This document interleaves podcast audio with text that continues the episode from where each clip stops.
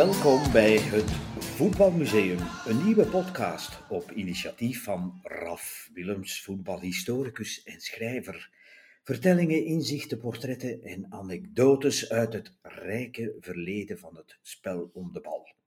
Een eerste serie hangen we op aan de 25 vedetten en ook wel anti-helden van de wereldbekergeschiedenis tussen de Olympische Spelen van Antwerpen 1920, jawel, want dat werd beschouwd als het eerste officieuze wereldbekertoernooi, en de World Cup in Qatar van 2022. Gebaseerd op mijn boek 111 legendarische voetbalhelden sinds 1920. Welkom bij aflevering 25, meteen de laatste dus van deze reeks van het Voetbalmuseum. En zij gaat, hoe kan het anders, over de Argentijn Lionel Messi. En ook over voetballen tussen Bach en Mozart. Referentiewedstrijd is meteen die van vandaag, de finale van de Wereldbeker tussen Argentinië en Frankrijk. 3-3 winst voor Argentinië na strafschoppen op zondag 18 december 2022. De dag waarop Lionel Messi zich definitief tot grootste voetballer aller tijden kroonde. Is Messi de voetballende Bach? Dat beweert de beste Bach-interpretator ter wereld. Zijn naam is Joao Carlos Martins, geboren in 1940, een Braziliaan uit Sao Paulo en oprichting van de stichting Bachiana Philharmonica, die kinderen uit de favelas leert luisteren naar klassieke muziek. Uitgerekend hij vergelijkt Messi met Johann Sebastian Bach en Bach met Messi. Ik citeer hem even. Waarom? Omdat hij zijn melodieën, Bach dus, componeerde als synthese van muzikale stijlen voor hem en evengoed inzicht gaf in wat zou komen. Bach was wat Bill Gates niet voor elkaar kreeg, een computer met een ziel. Zijn muziek was pure mathematiek en tegelijk pure emotie. Messi is een man van de intense aandacht, zoals Bach en tegelijk de synthese van Alfredo di Stefano, Pele Diego Maradona, en van wat het topvoetbal na hem zal te bieden hebben. Einde citaat dus van Joa Carlos Martins. Een interessante theorie over Messi en Bach, een Braziliaanse nog wel.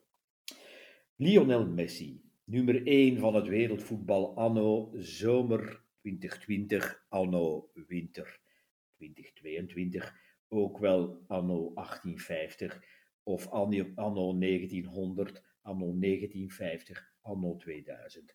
Is er ooit een betere voetballer geweest tussen de eerste officiële kick-off van pakweg Queen's Park uit Glasgow rond 1867 en zijn intussen 804e officiële doelpunt voor Argentinië gemaakt? op de dag van de wereldbekerfinale in 2022. Messi is van ons allen. Hij voetbalt. En hoe? Is er ooit een betere voetbal, voetballer geweest? Vraagteken. Lionel Messi, Messi, Lionel, Pele, Cruyff, Maradona, Messi. De trap der Darwiniaanse voetbalevolutie.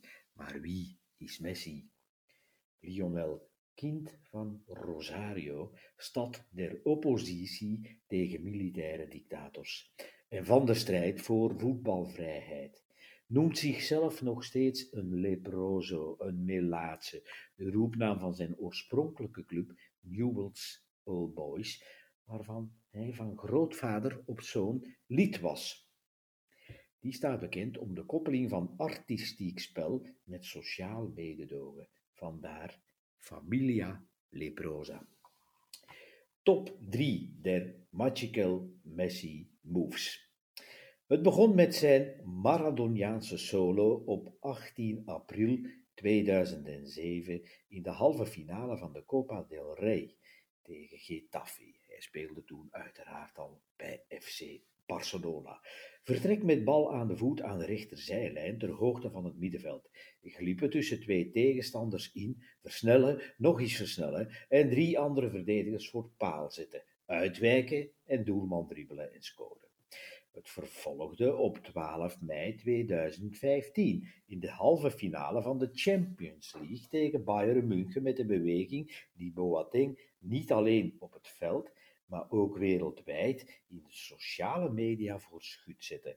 Bal in de loop graaien met rechts, schijnbeweging naar links, meenemen met rechts en scoren, terwijl Boateng intussen naar alle kanten spartelde van de improviserende adolescent van 20 tot de overzichthoudende rijpe man van 27. En het eindigde voorlopig op 1 mei 2019 tegen FC Liverpool, althans met Barça zijn club, opnieuw in de halve finale van de Champions League. Draaiertrap met links over de muur, klimmend naar de onderkant van de lat en trillend tegen het net. Daar zat een rijpe bebaarde voetbalgod, gedecideerd met de vuisten voor zich uit op de grond. Van Maradoniaans naar Messiaans. Moeit zich intussen ook openlijk met maatschappelijke thema's en geeft onder invloed van zijn vrouw steun aan de beweging Ni una menos, geen enkele meer in Buenos Aires, van 200.000 vrouwen tegen de golf van gendermoorden die het land teisterden. Zijn boodschap op Facebook in 2015 luidde: Genoeg moorden op vrouwen. We roepen alle Argentijnen op om Ni una menos te scanderen. Tussendoor stond hij ook terecht voor een fraudeproces rondom zijn portretrechten. Zo steekt het leven van Messi in elkaar. Zijn coach bij Barça tussen 2008 en 2012 en zijn voornaamste invloed, de man die hem echt liet doorbreken op het hoogste niveau, Pep Guardiola, die hield van Johan Cruijff. Cruijff onderwees hem, als coach ook, hè, in de jaren 90 bij Barça, toen Pep daar in het eerste elftal een aantal jaren stond. Cruijff onderwees dus Guardiola hoe het Hollandse voetbalbegrip ruimte moest worden ingeschat. Lopen niet met de bal, Leg hem waar de tegenstander hem niet verwacht. Geloof heilig in het driehoekje, in één tijd steeds naar de vrije man, terwijl er een tweede in beweging is. Guardiola schaafde het Cruyffismo bij, de ruimte, de driehoek, het initiatief. Hij haalde het beste in Messi boven tussen 2008 en 2012. Messi is het beste wat ik in mijn leven heb gezien. Een citaat dus van de coach Josep Guardiola. Het duurde wel even eer zij elkaar echt ontdekten. Het begin verliep zelfs stroef. Messi draaide pas op zijn hoogste toerental nadat Guardiola ontdekte hoe hij liefst speelt. Net niet in de spits, zwervend in de vrije ruimte, in de omgeving van het doel, maar ook bereikbaar voor subtiele doorsteekjes van Iniesta en Xavi. Hij voerde het eerste experiment uit vanuit een merkwaardige moed tijdens Real Madrid-Barcelona op 2 mei 2009. Hij stuurde Eto en Henri van de midvoorpositie naar de flank en liet Messi door het midden komen. Het resultaat mocht gezien worden. 2-6. Daar was flink wat overtuigingskracht voor nodig geweest. Toen rijpte bij Guardiola de gedachte om een axioma der tactiek, een nieuwe formulering te geven. Hij morrelde aan het dogma dat de spelmaker de wijde zijde moest opzoeken voor de minder getalenteerde spits. Hij keerde het om, al duurde het nog een seizoen, want in 2009-2010 blokte Zlatan Ibrahimovic dikwijls de plaats voor Messi af. In de jaargang 2010-11 hamerde Guardiola op concrete afspraken. Pedro en Villa houden het breed en Messi benut volop zijn techniek op speed in de laatste rechte strook naar de keeper. Barça mag dan anderen de wet dicteren door de creativiteit te structureren met een herhalingsmechanisme. Tegen het verrassingseffect van Messi kan niemand zich verweren. Hij is beter dan Cristiano Ronaldo en bovendien bepalend en beslissend in de klassiek, zo noemt men de Classico in Catalonië namelijk, het eeuwige duel Real. Messi Klassiek 1. 10 maart 2007. FC Barcelona, Real Madrid. Het Real van coach Capello heerste over het kampioenschap en telde de dagen af. Na dik 10 minuten vertroebelde de sfeer in Camp Nou 0-2. Dan liet de nog 19-jarige knaap Messi een Xavi-assist tot volle rendement komen en tielde een door doelman Casillas onvoldoende behandeld schot onder de lat binnen. 2-2. Real toonde meer maturiteit en rekende zigrijk. 2-3. In de slotseconde ondernam hij een ogenschijnlijk onmogelijke reboundpoging. 3-3. Het openbloeiende talent redde voor het eerst zijn elftal uit de brand in de zogenaamde derby. Messi Klassiek 2. 2 mei 2009. Real Madrid FC Barcelona. De ontaarding van Real in het eigen stadion 2-6. Het vijfde doelpunt mocht Messi op zijn naam schrijven. Het was er eentje van het spreekwoordelijke niveau van 13 in een dozijn. De actie nadien bleef wel in het geheugen gegrift. Hij trok een spuurtje naar de camera, stak zijn shirt tussen zijn tanden en toonde de televisiekijker de tekst en de tekening op zijn witte marcelleke, een onderlijfje dus, een bloem met de woorden fragiel X-syndroom. Hij bracht zo de actie van zijn foundation ten gunste van kinderen met deze genetische afwijking onder de aandacht. Daar stond de rebellerende adolescent, die de koninklijke een kaakslag uitdeelde en vervolgens vol lef een mediastunt op de eigen naam schreef. Messi Classic 3, 20 april 2011. Halve finale Champions League in Bernabeu. Real Madrid, FC Barcelona. Eerste helft bewezen de statistieken één ding, met name een verpletterend balbezit overwicht van 82% in het voordeel der Blauwgrana. De witte Realmuur begaf niet, doelkansen niet gezien. De match zat vast. In de 77ste minuut begreep Messi een intelligente actie van Afelai 0-1. Zeven minuten later prikte hij de bal net voorbij de halve maan naar Busquets en die legde hem zowaar stil. Messi piekte hem mee en soleerde op volle snelheid en over een afstand van 30 meter met de bal aan de voet. Rondom hem zes spelers van Real en doelman Casillas. Geen medemaat te bespeuren. Er geschiedde iets onalledaags. Ze stormden op hem af, maar hielden zich in. Leidzaam, de moedeloosheid droop van de gezichten. De doodschop kwam niet, de beenuitschuiver evenmin. Messi dreef zijn snelheid op en scoorde.